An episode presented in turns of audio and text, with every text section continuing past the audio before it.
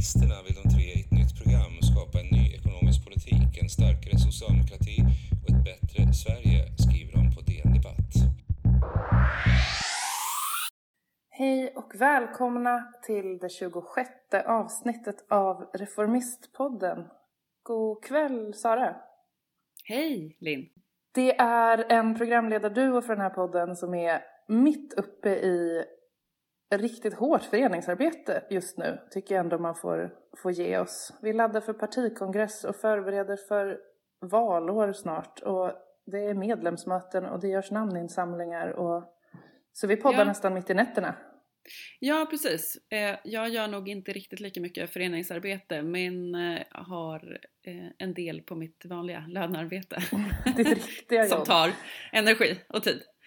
Ehm, Men ehm, ja, slagna hjältar kan man säga.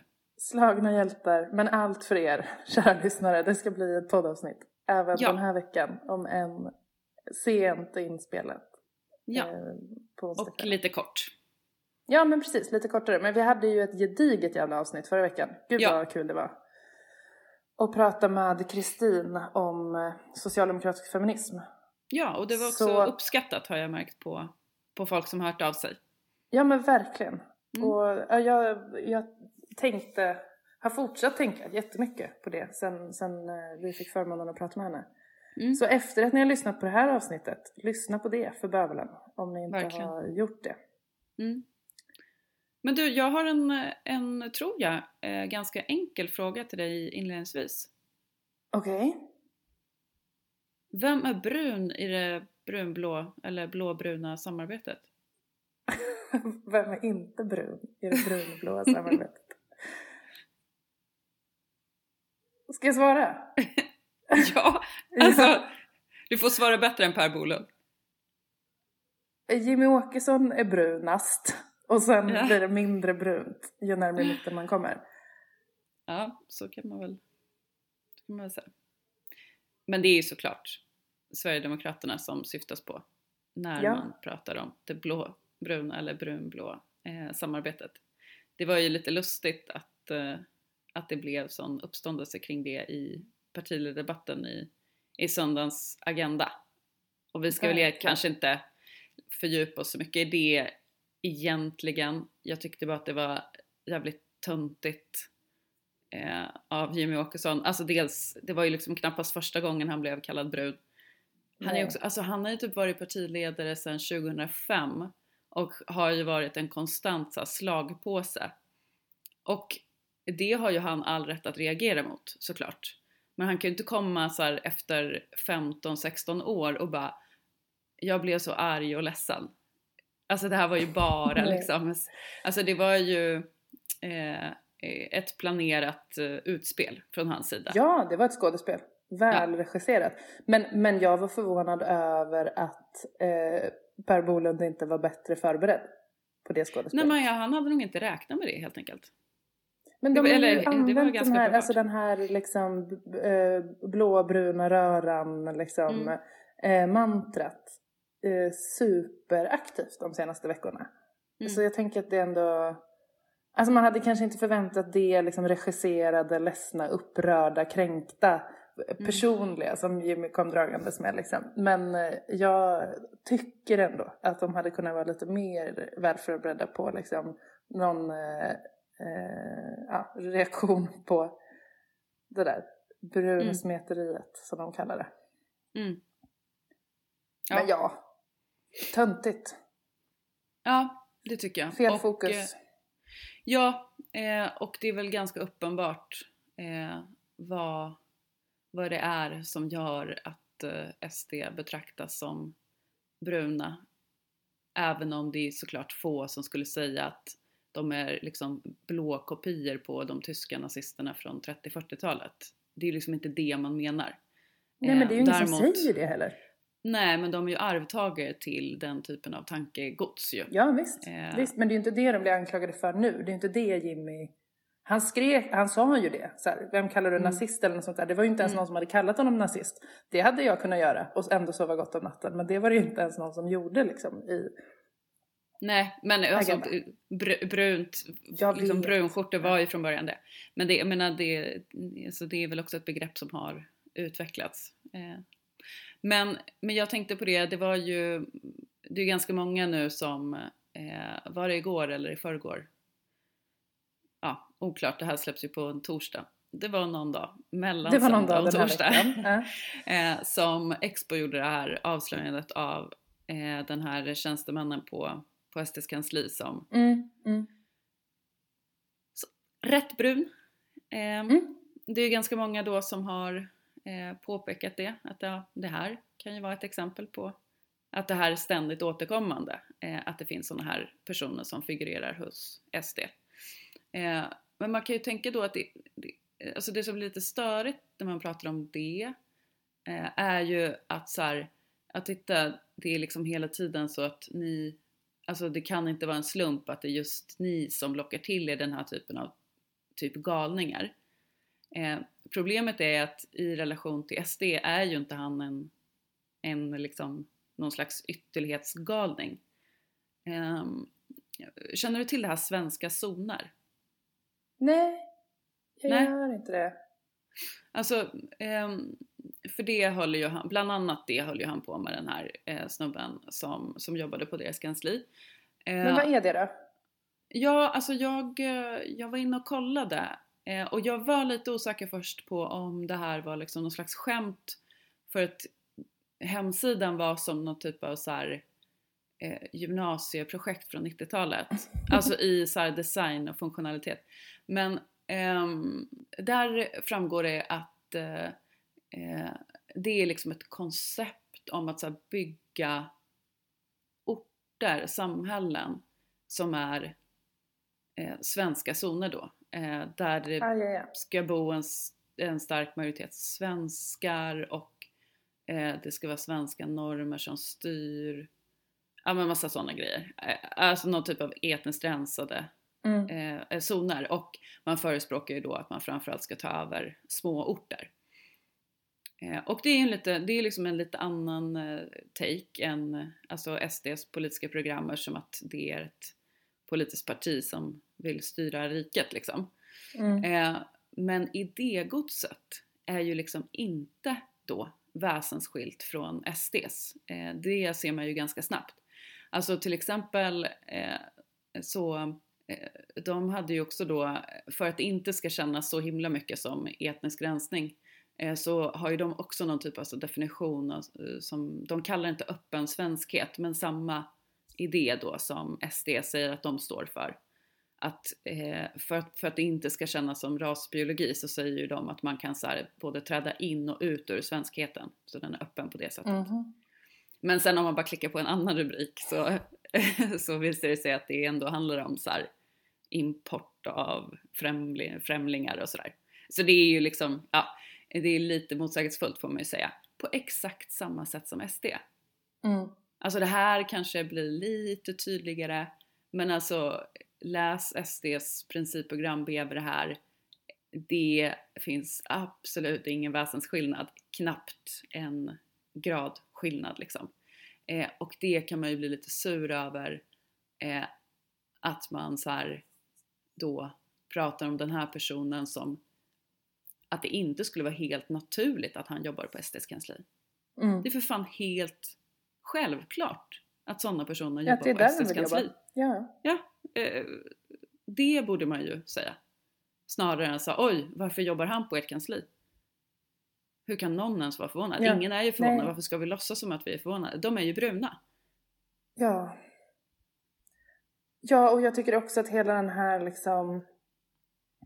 Jag tycker att och, men i den här diskussionen om varför de är bruna så härleds det alltid, eller oftast, till det de är sprungna ur. Liksom. Ni skanderade minsann det här när du gick med i partiet Jimmy, eller liksom det här var på flaggorna då, eller ni kommer från den här rörelsen. Och jag tycker precis som du är inne på att det är också så jävla viktigt att syna eh, deras idéer och politiska förslag som de driver idag. Liksom, som i allra högsta grad Ja, eh, hör hemma där. Liksom, i, I de politiska idéerna, i den ideologin och i Ja, de har bara bytt ut lite ord liksom. Men det var ju lika Björn Söder skrev någon tweet igen. Gud, jag vill knappt lägga mig ja. och prata om de här. Om hans bussresa. Ja. Om hans bussresa. Chauffören spelade eh, musik som Björn Söder inte tycker är neutral inom citationstecken. Eh, så han tycker att det borde vara krav på neutral musik i offentliga rum typ. Ja, men det är så mycket sånt där som bara är, det är liksom helt... Mm. Ja, som sagt, det är väl klart att den där snubben jobbar hos dem. Det är väl en kanonarbetsplats om man har den, de Mm. idéerna om Sverige. Verkligen. Den där tweeten slår ju dock inte hans text om sillamackorna. Vi ska inte fördjupa oss i den. Jag vill bara säga, om man inte har läst Björn Söders gamla blogginlägg om sillamackor, googla genast. Björn Och sillamackor. Ja. Mm. Släpp allt du gör och läs. Genast. Ja. Gör det och sen går du tillbaka i poddarkivet och lyssnar på förra avsnittet av Reformistpodden. Precis. Dagens Ja, men det, men det var kanske slutsnackat om SD. Eh, Ja, Så var intressanta är de ju inte, men man blir lite irriterad ibland. Måste säga något. Ja, gud ja.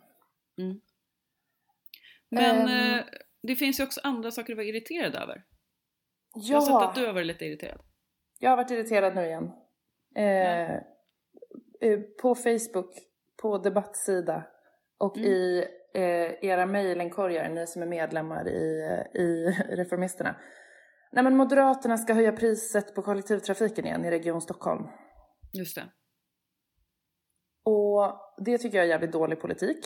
Ja. Alldeles oavsett. Jag tycker inte att kollektivtrafiken borde bli dyrare. Eh, jag tycker att vi borde röra oss eh, åt andra hållet. I hela Sverige ska sä- sägas. Nu gäller det här förslaget just Region Stockholm för att vi Mm. precis fick reda på att eh, styret i Region Stockholm återigen ska höja priset på SL-kortet.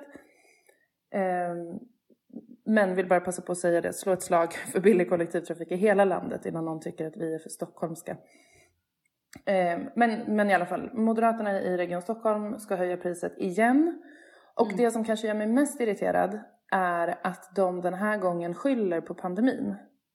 Eh, För Mm. att kollektivtrafiken i Stockholm har gått med eh, ovanligt stort underskott för att väldigt många har skippat att köpa SL-kort. Liksom. Eh, Och så är det ju. Trafikförvaltningen har ett större budgetunderskott än vanligt. Liksom. Men jag tycker att det är så jävla fegt att de liksom, eller så här lägligt att de har det att skylla på. Men faktum är ju att de alltid höjer priset på SL-kortet. Eh, det har typ legat still eh, mellan två budgetår eh, de senaste liksom, två decennierna. Jag hittade siffror tillbaka till 1971 och sen dess har, med några få undantag, SL-kortet höjts liksom, varje år. Ja. Men man får ändå ge dem att pandemin är ett starkare argument än det är bara två chipspåsar. Ja, exakt. För det? var ju en klassiker för några år sedan. Det är bara två chipspåsar, så det gör ingenting. Ja. Eh, Alltså de har ändå pandemi- utvecklat sin argumentation får man säga. Absolut, absolut. Ja. Men jag vill syna dem. De hatar bara folk som vill åka kollektivtrafik. Mm. De, eh, eller åtminstone prioriterar inte vanliga löntagares liksom, möjlighet att ha, det är det det handlar om, det är liksom politisk prioritering. Mm. Eh, saker kostar pengar. Eh, jag tycker att de gemensamma resurserna borde bekosta kollektivtrafiken mer än de enskilda eh, medborgarnas. Också för att vi vet ju vilka det är som nyttjar kollektivtrafiken Mm. mest. Eh, så att det är också en fördelningspolitisk, liksom, vem som ska dra lasset för att folk faktiskt ska använda kollektivtrafiken.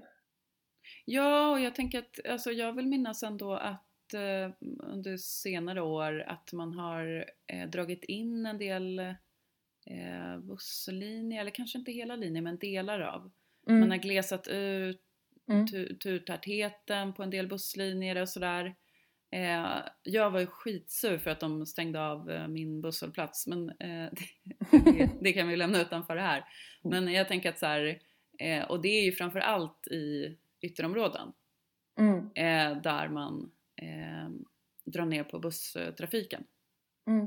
och Ja men precis, och det går, liksom, det går liksom åt fel håll på båda fronter eller vad man ska säga. Det blir ja, men det mindre blir dumt då om kollektivtrafik man ska betala och- mer för, och för man får mindre. betala mer. Liksom. Mm. Ja. Eh, och det är dåligt av så många skäl, inte minst för att det är orättvist när vi vet att det är de som redan nyttjar kollektivtrafiken som ofta är liksom medel eller låginkomsttagare. Det är redan de som eh, liksom står för minst utsläpp om man ska liksom ha den klimatpolitiska glasögonen på sig. Det, det är bara, det är så tokigt och dumt. Mm. Eh, och eh, ja, vi har släppt en namninsamling förresten. Tips igen.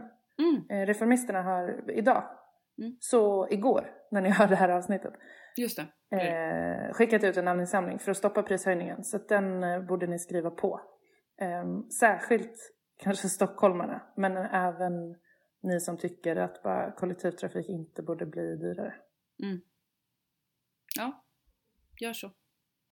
Jag kom ju precis från eh, kongressdelegationsmöte Sara. Just det.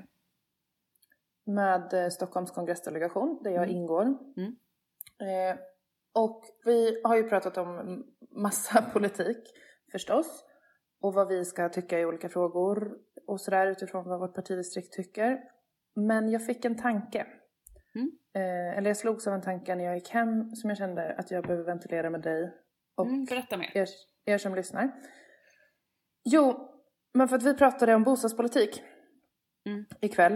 Eh, och att det är, det är så himla tydligt, jag fick en deppig insikt liksom. Det är så tydligt när man läser mycket av de här kongresshandlingarna eller försöker liksom följa politik som jag just nu gör på så många olika områden samtidigt.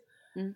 Det är så tydligt att vårt parti har liksom kapitulerat inför politiska idéer som inte är våra egna eller som inte kommer från oss. Liksom. Det slog mig på bostadspolitiska området ikväll för att vi pratade om att det liksom ligger förslag eh, på, på bordet för kongressen om att så här, underlätta för folk att äga sin egen bostad. Eh, Att det är till exempel massa mo- motioner om att så, särskilt bolån för unga. Eh, och, och liksom att, att vår syn på eh, det offentligt ägda, liksom allmännyttan och, och de liksom ja, men gemensamma, kollektiva idéerna, i det här fallet i bostadspolitik, har så här, tappat mark så jävla mycket även i, vårt, i våra egna politiska program. Liksom. Och att det tar sig uttryck i bostadspolitiken då med att istället för att vår politiska lösning på bostadskrisen skulle vara, eh, som reformisterna tycker, eh, en större liksom, gemensam investeringsinsats från staten för att bygga hyresrätter som folk faktiskt har råd att bo i. Så blir liksom lösningen att vi så här, krånglar oss runt den här marknaden som nu finns där bostadsrätter kostar satan för att man har sålt ut en jävla massa hyresrätter och så ska vi bara förhålla oss till att så ser det ut nu och istället för att lösa grundproblemet så hittar vi på liksom eh, små politiska lösningar för att individen ska kunna klara sig Mm. på den marknaden. Och- det är, ja men och det, så är det liksom då på bostads, det bostadspolitiska området som jag tänkte på. Men jag tycker också att det, ja men så här, man ska äga sin egen bostad, då ska vi fixa det. Man ska välja sin egen vårdcentral, då vågar vi inte ta strid med, med liksom marknadsintressena i välfärden. Eh, vi ska förhålla oss till att maktbalansen ser ut som den gör på arbetsmarknaden, så vi vågar inte ta strid ordentligt för liksom, eh, mer makt åt arbetstagarna eller kooperativt ägda företag eller Ja, men jag tycker att jag ser den Det tendensen. ska bli på lättare att bli chef. Ja, precis. Fler ska kunna bli VDR. Mm. Eller liksom. Mm. Nej men jag efterlyser verkligen eh, mer, ja, men mer självförtroende i våra politiska idéer utifrån vår ideologiska syn på att eh, bygga saker ihop. Liksom. Oavsett om det är hyresrätter eller att vi ska äga våra vårdcentraler tillsammans eller äga våra företag och få lite mer av kakan som vi arbetar för eller ja men du vet det här är liksom ja det behöver jag säkert inte säga till dig men det är så traditionella gemensamma lösningar, socialdemokratiska lösningar på saker och ting som jag tycker tappar mark liksom. När vår egen partistyrelse föreslår partipolitik Mm. så föreslår vi liksom inte socialdemokratisk partipolitik utan då föreslår vi en socialdemokratisk-ish lösning på hur den enskilda medborgaren ska kunna klara sig lite mindre dåligt Mm. i det liksom söndermarknadiserade, liberaliserade samhället som vi befinner oss i. Och jag tror inte att vi vinner matchen jag menar inte bara vinner val, jag menar liksom vinner den långsiktiga Mm. matchen om hur fan vi vill bygga det här samhället gemensamt. Om vi inte vågar vara liksom en ideologiskt driven radikal motkraft som säger nej så här gör vi liksom, åt andra hållet. Vi kan Mm. inte bara hålla på och så här förhålla oss och hitta stat, så här, ja men då skuldsätter vi några till på statens bekostnad. Så att några till kan köpa en bostadsrätt. Eh, Det som är, eh, tänker jag, lite klurigt med det här är ju att det är svårt att vara emot liksom, eh, att man också ska kunna äga sin bostad. Alltså det är, du, sa socialdemokratiska-ish lösningar. mm. Alltså att ehm, det, eh, ofta så är det ju saker som då är mera individcentrerade men som ju inte är per definition negativa. Eh, men som du säger inte löser grundproblemet. Så att man är ju inte emot men eh, det är ju, man skulle ju behöva ta tag i de stora strukturella lösningarna. ja. Men tror, tror du inte att det är det att det kostar så jävla mycket mer pengar? Jo, men det Att går ju göra det. Ja men är det inte det som är hindret liksom? Nej, jag tror inte alls att det bara är en, en fråga om ekonomisk politik. Jag tror att det är en fråga om eh, lite ideologisk kollaps Mm. också. Eh, för jag tänker att den här, liksom, ja, men med exemplet då särskilda bolån för unga, är ju eh, at first sight Mm. bra, tänker Mm. jag. Tycker jag med, när jag läste den. Sen har jag lyssnat på många kloka kamrater ikväll och tänkt några varv till.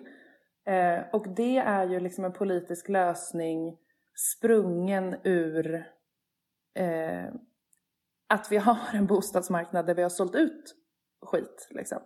Där det inte finns hyresrätter. Eh, Mm. Där vi liksom eh, förhåller oss till att eh, ja, men förhåller oss till, till problembilden och sen så försöker vi liksom kringla folk igenom det, kringgå det istället för att eh, ja, men göra den, ja dyra politiken men bättre politiken eh, som, som gör att folk har råd att bo utan att skuldsätta sig. Och Mm. dessutom lärde jag mig att just bolån för unga är beprövat i Storbritannien och Belgien och har fått värdelös fördelningspolitisk effekt för att det enda man gör är att subventionera lån till människor som redan är väldigt, väldigt nära att kunna låna. Så att de som står allra längst ifrån att kunna äga sin bostad kan ändå inte äga sin bostad. Utan man statligt subventionerar bolån till, till liksom, ja men kanske lägre delen av medelklassen. Så att just det förslaget Mm. hade jag kamrater som kunde massor om. Ehm, och, och kunde berätta att det liksom får fördelningspolitiska negativa konsekvenser. Men där vi var många liksom, som också känner så här, men vi behöver, vi kan liksom inte surrender inför att bostadsmarknaden ser ut på det här sättet. Vi behöver istället liksom, ehm, ja, en, en gemensam större plånbok som kan eh, bygga bort bostadsbristen på riktigt för alla. Liksom. Vad har du tänkt på mer i veckan Sara? Eh, Jag har tänkt på en grej efter partiledardebatten i söndags, förutom det här med brunt. Eh, Mm. Det här med att det ska löna sig att arbeta på olika sätt. Mm. Ehm, eh, för det var ju ett sånt eh, tema som eh, Ulf Kristersson och de här höll på med, liksom att det måste vara bidragstak och sådär. Eh, Mm. Han erkände ju att det, att eh, Alltså att anledningen till att eh, personer står långt från arbetsmarknaden är att de saknar eh, utbildning eh, och kunskaper och sådär. Mm. Men eh, då är inte lösningen utbildning, var han tydlig med. Eh, för att det behövs så Nej. mycket utbildning. Eh, utan det är att göra människor fattiga. Ja. Eh, men faktiskt så tänkte jag liksom, eh, det, där är den vanliga retoriken. Eh, så att eh, liksom Ja, vifta bort hört. det lite Mm. sådär, det har man hört. Eh, jag läste en artikel av Jakob Lundberg som är chefsekonom på Timbro. Mm. Och han skrev ju också saker som han har läst och hört många gånger. Eh, Mhm. Men på lite samma tema efter då partiledardebatten om det här med eh, skattepolitikens inverkan på eh, människors villighet att jobba. Mhm. Eh, och så, Alltså vi pratade ju liksom lite grann med Kristin i, i förra avsnittet där på slutet om varför genusforskningen är så illa omtyckt. Ja, Eh, av högern. Mm. ja, eh, men när man läser sånt här så tänker man varför är ett nationalekonomi inte mer illa omtyckt? Hur kan det vara så uppburet? Som liksom vetenskap. Eh, nej men han skriver då en lång artikel i tidningen Näringslivet. Eh, det var första gången jag läste den här tidningen. ja, otippat. Men eh, som då handlar om eh, att få människor att gå från bidrag till jobb Mm. eh, med skattepolitiken. Eh, och det var en mening här som var så himla eh, liksom tydlig kring hur nationa- många, tyvärr, nationalekonomer resonerar kring sin vetenskap. Och då står det så här. Skatter påverkar hur människor agerar. Så långt är de flesta överens. Och enligt grundläggande ekonomisk teori så vill fler arbeta när vinsten av arbete ökar. Och sen följer eh, massa argumentation utifrån eh, den här tanken om Lafferkurvan. Alltså att eh, det finns en punkt där man eh, blir så hårt beskattad att eh, arbetet minskar för att det liksom inte lönar sig att arbeta längre. Just det. Problemet med det och med all den här nationalekonomiska teorin som eh, Jakob Lundberg med flera kommer dragandes med är ju att den inte tar hänsyn till hur samhället och människor faktiskt fungerar. Han är säkert svinduktig på att räkna. Säkert. Alltså mycket duktigare än mig. ja. Eh, och mig. och många andra. Eh, på att räkna. Utifrån sina givna premisser. Problemet är ju att premisserna är så otroligt förenklade och faktiskt ofta felaktiga vad gäller Mhm. hur människor fungerar och vad som är våra grundläggande drivkrafter. För att hela det här nationalekonomiska teoribygget som de ägnar sig åt bygger ju på eh, då den teoretiska antagandet om att vi som individer bara styrs av intresset att vinstmaximera ekonomiskt. Mm. Och så sätter man det i samband med andra variabler och konstaterar då att om man gör X, Y, Z så minskar viljan att arbeta. Eh, men då tar man ju liksom inte hänsyn till att det som gör att någon så ensamstående morsa som har liksom, som blir erbjuden kanske eh, en till jobbtimme inte kan för att så här, barnomsorgen inte finns. Mm. Eh, eller att det inte liksom passar med pendlingstider. Eller att eh, man liksom eh, behöver prioritera att ta någon unge till fotbollsträningen. Eller du vet alla de här sakerna som är liksom Ja, människors eh, vardag. Ja. Eh, de finns ju inte i de här uträkningarna med de här väldigt enkla variablerna. Eh, och framförallt om man tror att människors liksom, primära drivkraft alltid är eh, vinstmaximering så missar man ju eh, så otroligt mycket som det är att behöva vara människa. Och såklart en massa hinder som finns i, i samhället som ju Ja. gör att det inte är, eh, för väldigt många inte ens är ett val. Eh, att jobba den där extra timmen eller ta det där extra arbetspasset. Nej, nej. Nej, det är ju också intressant att, eh, eh, vad hette han, Jakob? Mm. Ja, alltså i den avdelningen nationalekonomer som Jakob tillhör och jag kan tänka mig de som skriver i tidningen Näringslivet så är ju, eller på Timbro för den delen, så är ju ofta eh, lustigt nog deras idéer om att om man bara, om det bara lönar sig tillräckligt mycket att arbeta förenat med att alliera sig emot en rörelse som inte har gjort något annat än att organisera sig för att arbetare ska tjäna lite mer pengar. Mm. Det vill säga våran rörelse. Alltså det är ju det är liksom snudd på ironiskt att vi blir beskyllda av dem för att inte tycka att det ska löna sig att arbeta. Mm. När det enda vi har organiserat oss för i hundra plus år nu, både i parlament och ute på arbetsplatserna, är att löntagare ska få några fler smulor av den kakan som är produktionen. Liksom. Mm. Eh, det är klart det ska löna sig att arbeta. Höj lönerna då. Ja, ja, visst. Mm. Vi, vi tycker bara också att det inte är värdigt ett samhälle att man måste svälta. Eh, Nej, och ingen eller får fler eller jobb. att barn, barn ska ha det jävligt dåligt om man Nej. råkar ha en förälder som är arbetslös. Precis, för det, om, om den föräldern bara får, om den förälderns barn bara får det lite jävligare, då kommer den föräldern ha incitament att Mm. förflytta sig ett snäpp närmare arbetsmarknaden. Nej, det är riktigt, eh, riktigt ovärdigt och eh, ja, nej, jag blir, man blir skitarg. Ja. Och nu förespråkar jag verkligen inte att man ska liksom skicka hatmejl till Jakob Lundberg. Han är en trevlig person. Eh, jag har Ja, ja. träffat honom vid olika tillfällen. Han är, han är trevlig, han, han har bara fel. Eh, Han har fel. eftersom eh, att verkligheten är mycket, mycket mer komplicerad. Ja. Eh, jag såg också den där delningsbilden som Moderaterna eh, hade lagt upp. Jag vet inte om det var direkt efter partiledardebatten men den fick i alla fall spinn direkt efter partiledardebatten. Eh, från ett, en, ett moderat Instagramkonto där det står typ så eh, den ena grannen arbetar och den andra går hemma på bidrag. Det är inte rimligt att eh, de Mm. tjänar lika mycket.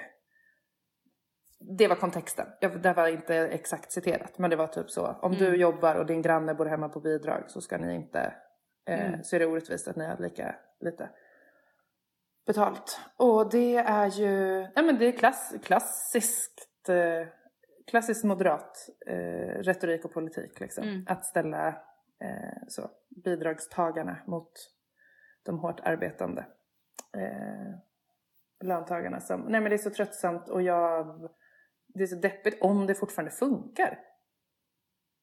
Men det kanske gör det. Jag tänkte, tänker att vi har synat den grejen liksom efter utförsäkringar och eh, ja, men liksom skräckberättelser om eh, efter 2006 förändringarna och sådär med borgerliga regeringar. Att, att jag tycker att liksom, det har berättats många berättelser från då bidragstagarnas sida. Eh, men det kanske, det kanske fortfarande går. Jag vet inte. Ja, alltså åtminstone på, på vissa. Jag tänker nog att polariseringen kring det har, har ökat. För det som, som de har lyckats med är ju att de nu har etnifierat den här frågan. Precis. Eh, och därmed slagit in en kil i, i arbetarklassen. Eh, Mm. eller liksom och en stor del av befolkningen eh, som lever under någorlunda eh, lika villkor. Eh, där det blir lättare att misstänkliggöra den andra. Eh, Mm. För att man då eh, håller på att lura folk att man skulle ha på något sätt olika intressen i det här samhället. Liksom. Ehm, Ja, baserat Så- på etnicitet och inte ekonomiska. Ja, och inte, ja liksom, precis, inte ekonomisk eller- position. Ja, Mm. så att, eh, ja, på, ja, hos vissa funkar det nog fortfarande. Mm. Eller igen, eller man ska säga. Men då kanske man nästan ska vara lite glad över att se den där delningsbilden utan en liksom etnifieringsaspekt. Eh. För nu var det bara gamla hederliga hata bidragstagare från Moderaterna. ja, Inte hata utlandsfödda bidragstagare. Så det är ju snudd på uppfriskande då, kanske. jag har också tänkt så. Eh, men sen tänkte jag, eh, eh, sen blev jag ännu mörkare i tanken. Åh För att, eh, alltså tidigare, det var ju där man började liksom. Ja. I att så här, slå in en kil mellan de som arbetar och de som inte arbetar och liksom hela den här eh, tanken om att folk är inbillningssjuka och sådär. Eh, sen lugnade man ju sig lite med den retoriken och så har man ju övergått då till att allmänt eh, misskreditera och misstänkliggöra eh, invandrare. Men Mm. nu är det som att de där sakerna har smält samman. Eh, så om man återgått till den där första retoriken men Då men att- tänker folk redan. Ja, folk Ja. tänker redan, vilka är de där? Jo men Ja. det är ju de här. Så de behöver inte ens längre säga det liksom. Det är liksom, det finns Det redan där. hela, hela varvet. Ja, Ja, det var i mina mörkt. mörkaste stunder eh, kan Ja. jag tänka så. Eh, och eh, ja, nu är det mindre än ett år kvar till val. Eh, det är nog så här det kommer vara. Mm. Eh, men man blir ju mera motiverad att valarbeta på något sätt när Ja, de visar upp sitt gud, ja. fula tryne. Gud ja. Nog om det. Nog om det. Hallå, vi har fått eh, veta valberedningsförslag till partisekreterare. Ja, nu i veckan. Mm. Nu i veckan. Det har hänt sedan vi poddade sist. Tobias Baudin, Kommunals ordförande, Mm. ser det ju ut att bli. Vad tänker du om det Sara? Eh, ja, dels att det ju skulle vara en sån jävla skräll om det nu inte blir han då. Eh, Ja. Knappast någon som kommer, kommer utmana. Eh, ja, och det var väl inte jätteförvånande. Det fanns ju några olika namn som det spekulerades kring. Mm. Det här har ju då inte heller varit en process som har präglats av öppenhet och att olika kandidater liksom går ut och berättar att de vill eh, axla Nej. uppdraget och sådär. Men, men det har ju ändå funnits några olika kandidater eh, som det har spekulerats kring. Och han är ju ändå en av dem. Mm. Ehm, jag tänker att det finns olika saker på plussidan. Han är norrlänning. Mm. Eh, det är väl ett plus eh, eftersom att det liksom finns en risk mm, alltid med Stockholmscentrering. Ehm, han har eh, visat sig stridbar tidigare kring vinster i välfärden när han var vice ordförande i LO. Eh, Mm. Och han är en ganska snäll eh, person, tror jag. Ja, min det tror jag med. Men sen finns det ju massa saker i partisekreterarskapet som ju är en jävla utmaning alltså. Mm. Och de, jag menar inte att det är en större utmaning för Baudin än för någon annan men eh, fan han, eh, det är ett stort uppdrag att axla alltså. Det är ett stort uppdrag, också så tätt in på val, Mm. tänker jag. Det måste vara lite svettigt. Mm.